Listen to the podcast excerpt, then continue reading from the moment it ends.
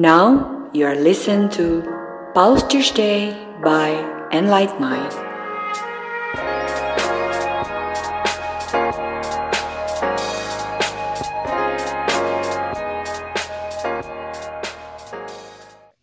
Hai, kembali lagi di podcast Posters Day by Enlight Mind. Sekarang kita memasuki episode ketujuh. Ada Dodo di sini, lalu ada Mbak Ika, Hai dok. ada Mbak? Alfi. Hai hai. Aku baru inget banget nih Mbak, kalau ini udah episode ketujuh, tapi kayaknya dari episode kedua sampai ke enam kita lupa perkenalan gitu deh. Gitu ya. Seneng cerita ngomong ya. iya emang udah ngobrol. Tapi nggak apa-apa lah. Yang penting teman-teman dapat infonya meskipun nggak tahu siapa yang ngomong. Kali ini kita bakal bahas soal body movement, Mbak ya. Mhm. Sebelum kita masuk ke pembahasan yang serius, aku curhat dulu boleh ya. Sebagai bagian dari tim enlightenment yang bukan psikolog, kapan lagi dong aku dapat konseling kayak gini, Cek. Jadi teman-teman ini sekarang sedang curi dengar suasana konseling. Jadi sebenarnya eh, aku tuh tertarik sama olahraga dibilang suka sih nggak tertarik sama olahraga. Hanya karena aku pengen punya kondisi mental yang lebih stabil sih sebenarnya.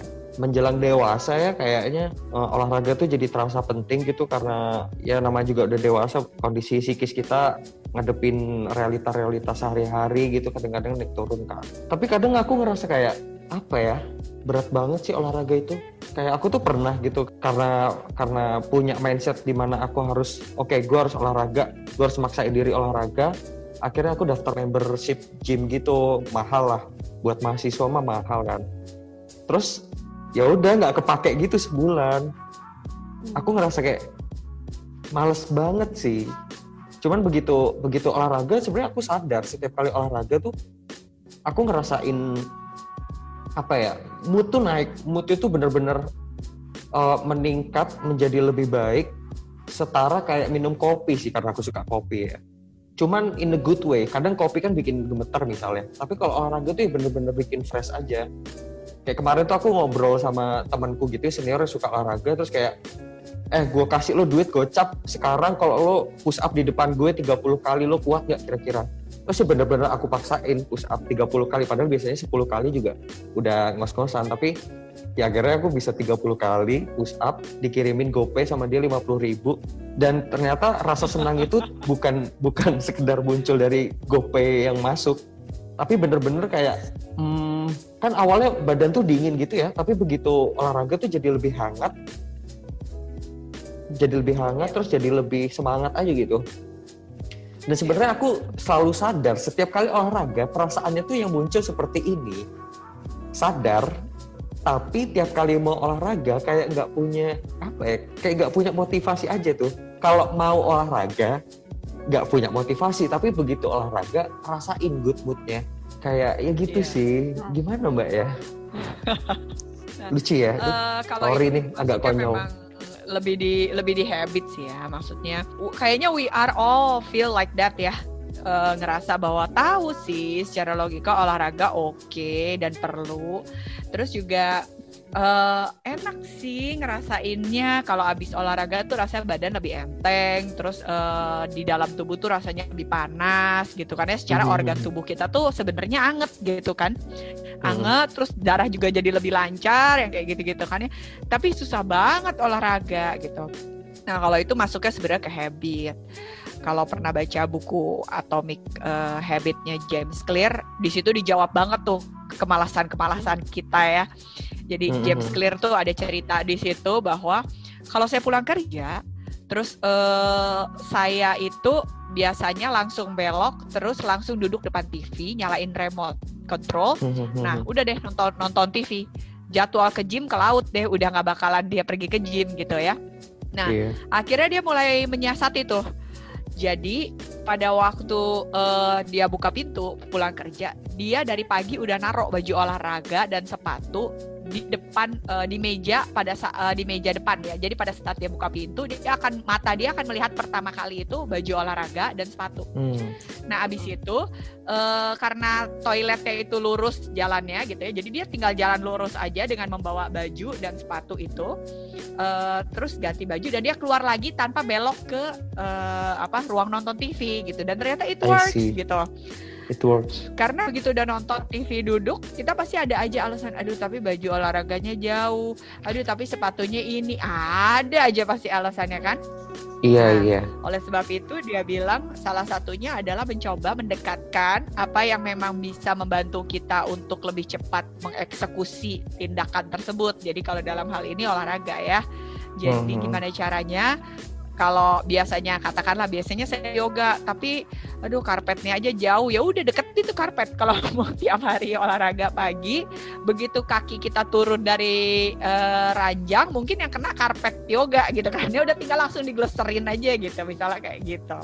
Bener sih misalnya aku setuju sama Alfi ya gerak itu penting. Cuma memang aku sebagai orang yang itu aku sebagai orang yang punya seribu satu alasan untuk nggak olahraga. Satu tim kita uh, Mbak Ika ya. Jadi aku sih gini, aku menemukan juga bahwa gerak itu tidak melulu harus olahraga sih, dok. Maksudnya kalau bisa olahraga bagus, karena kan pasti ada eh, selain untuk kesehatan mental kita ada benefit-benefit lain ya, Pi ya, gitu kan. Misalnya kayak tadi ya, yes. badan juga mungkin jadi kebentuk, misalnya kayak gitu. Mm -hmm. Mungkin ingin uh, berat badan berkurang dan yang lain-lain gitu. Dan mungkin bisa juga sebagai suatu achievement, misalnya kita jadi bisa bisa ikut lomba apa atau gitu terkait dengan olahraga itu. Cuma hmm. ya kalau aku kebetulan karena memang nggak um, bukan susah banget ketika berpikir itu olahraga gitu ya. Uh, jadi aku mencoba melakukan adalah dengan gerak. Uh, any kind of gerak karena tetap memang benar pada prinsipnya bergerak itu sangat bagus untuk membantu uh, menstabilkan dan membalance diri kita sih gitu. Hal simpel yang aku lakukan bisa kayak tadi instead of lari di di Senayan misalnya gitu. Lari di iya. Senayan it's mean buat aku olahraga which is nggak akan gue lakuin gitu ya. Effort banget gitu. So aku betul, betul. ya uh, ini aja gitu lari depan TV gitu misalnya. Atau ketika lari capek ya jalan depan TV gitu misalnya gerak-gerak depan TV tentang mindset mungkin ya yang Mbak Alfi dan Mbak Ika obrolin. Aku jadi teringat hmm. sih kayak dulu waktu SMP aku tuh suka lari sebenarnya. Nah dulu aku lari tuh tiap pagi habis sholat subuh uh, jam setengah enam lah itu lari sampai jam enam. Jauh lah jaraknya sekilo dua kilo tuh pasti pasti ketempuh gitu. Dan kondisi uh. kondisi uh, jogging trackku tuh bukan yang bukan yang bagus kayak di Senayan atau di Monas. Itu bener-bener pinggir pinggir jalan jalan lintas Sumatera gitu. Wih, keren Jadi bener-bener di antara truk, kadang-kadang nggak ada trotoarnya, sampah tumpukan sampah, terus lewat uh, lahan-lahan sawit gitu sebenarnya serem.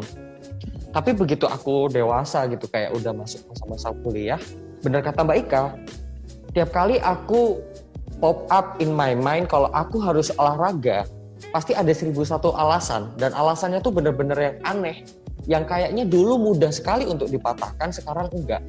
Kayak mulai aduh nggak ada trotoarnya takut ketabrak mobil aduh celananya nggak eh, nggak uh, sesuai untuk olahraga. Nanti bakal nggak nyaman. Aduh sepatunya belum dicuci. Aduh kos kakiku nggak nyaman. Banyak banget dan kayak akhirnya uh, aku ngerasain bahwa ketika mindsetnya itu tidak olahraga ya akhirnya mampu. Kayak yang tadi aku cerita temanku bilang lo push up 30 kali gue kasih duit 50 ribu. Yang aku lakukan adalah menyelesaikan tantangan untuk mendapatkan uang dan yang biasanya aku mampunya push up cuma 10 kali ya aku mampu push up 30 kali gitu loh. Kayaknya kalau nggak dipicu sama temanku yang mau ngasih duit ini nggak akan mampu lagi sih aku push up dua kali. Ngerti gak sih mbak? Kayak jelas itu soal ininya ya. Betul dong. Ya. gimana ya rewardnya jelas. Sebenarnya kita bisa nyiptain tantangan buat diri kita sendiri sih ya. Artinya, uh, tapi sebelum kita bersusah payah untuk melakukan tantangan dan segala macam, mungkin kita juga akan berpikir gini, emang kenapa sih perlu banget ya orang gerak gitu? Harus ya sampai mesti susah-susah gitu nyiptain tantangan segala macam. Nah, habit Eh, gitu-gitu. iya nyiptain habit gitu kan ya kan susah Iya, ya kayak benar, gitu ya. Cuman eh, kita juga ngerasa kalau kita nggak gerak, apalagi sekarang ya dari suasana WFH kayak begini itu pasti akan lebih banyak waktu yang dihabiskan di depan eh, laptop. Apalagi di dalam rumah ngapain lagi sih? Pasti boleh dikatakan 80% waktu habis depan gadget dan kita lupa untuk bergerak. Akibatnya kadang-kadang pernah nggak sih kalau lagi ngezoom atau apa, eh udah dulu ya otak-otak gue udah berkabut nih, gue udah nggak bisa mikir dan apa segala macam ya. Karena memang badan manusia nggak dirancang hanya untuk diam, apalagi hanya untuk duduk dalam waktu panjang. No, no.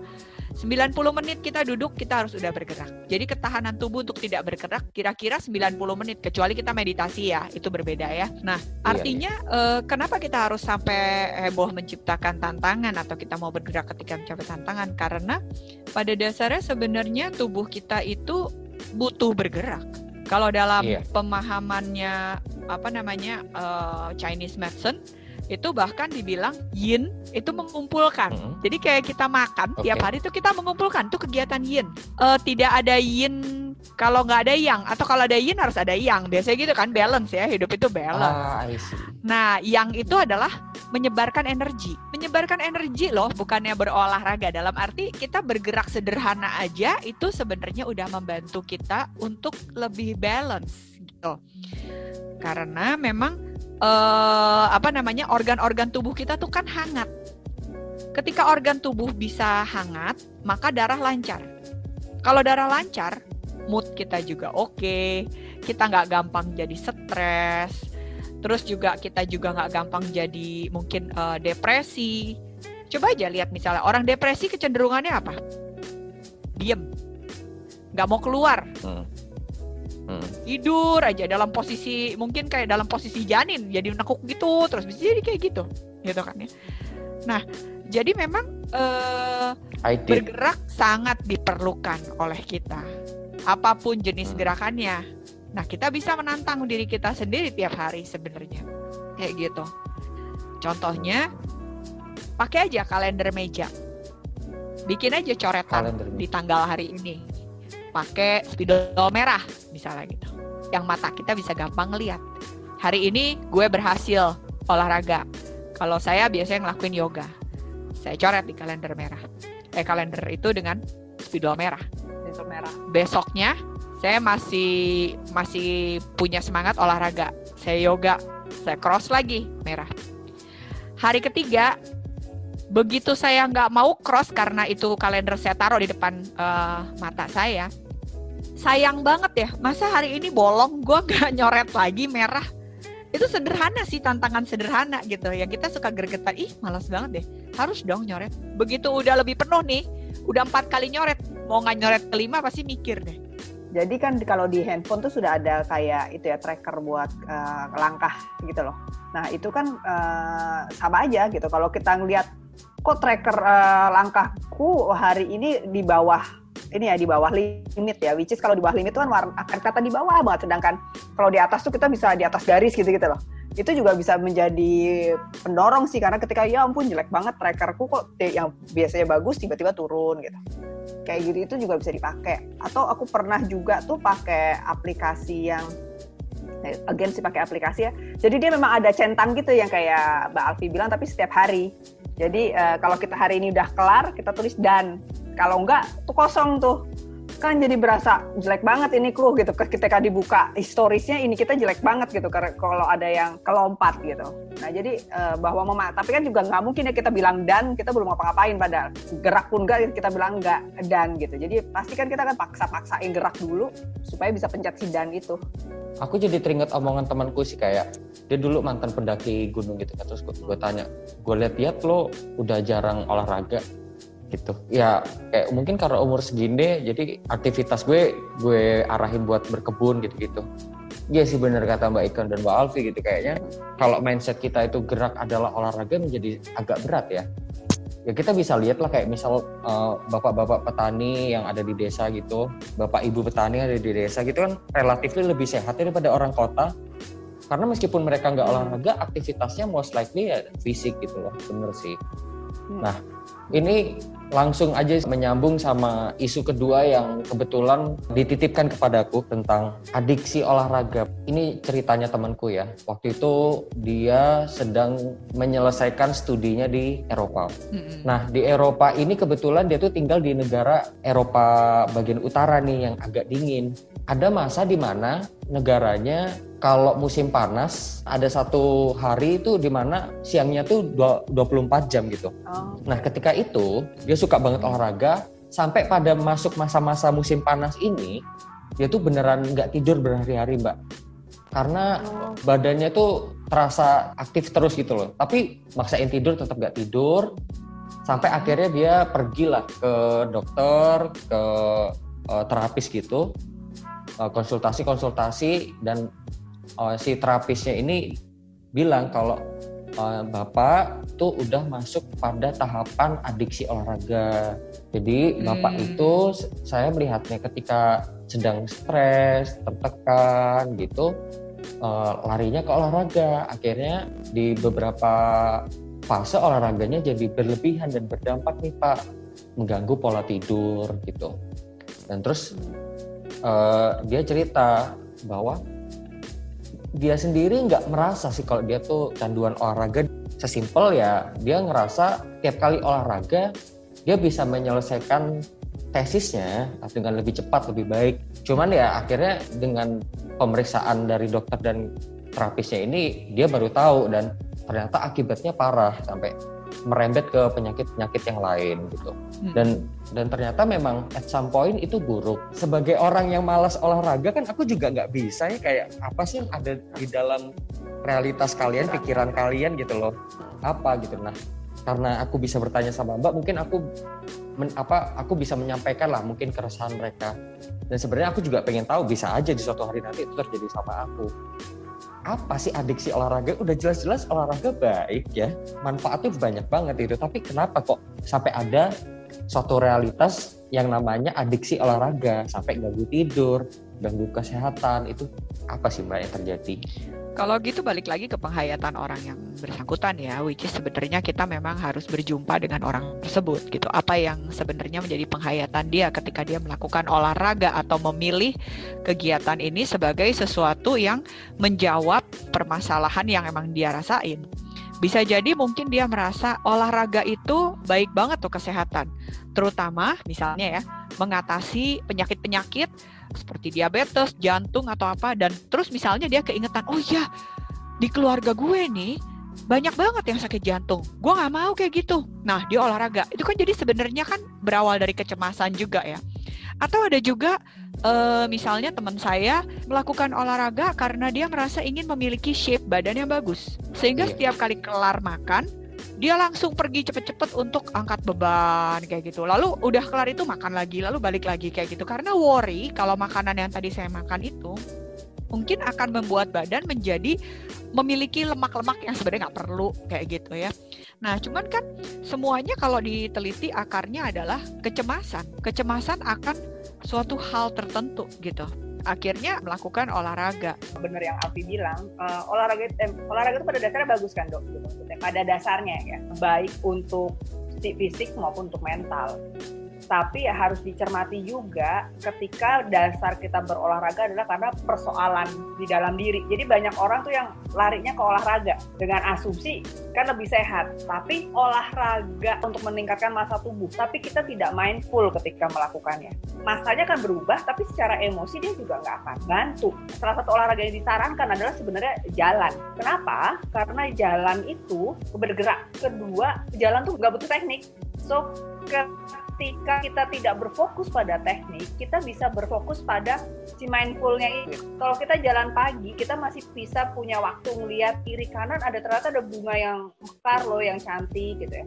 Tapi kalau misalnya kita lari itu kan biasanya kita udah nggak ngeliat tuh pokoknya lari aja. Segala sesuatu yang baik bisa jadi nggak baik ketika dilakukannya berlebihan gitu kan. Eh, hobi olahraga oke, tapi ketika dia melakukannya dengan lebih sadar, mindful, sadar tuh jadi artinya pada saat kita melakukan push up misalnya atau jalan lah misalnya.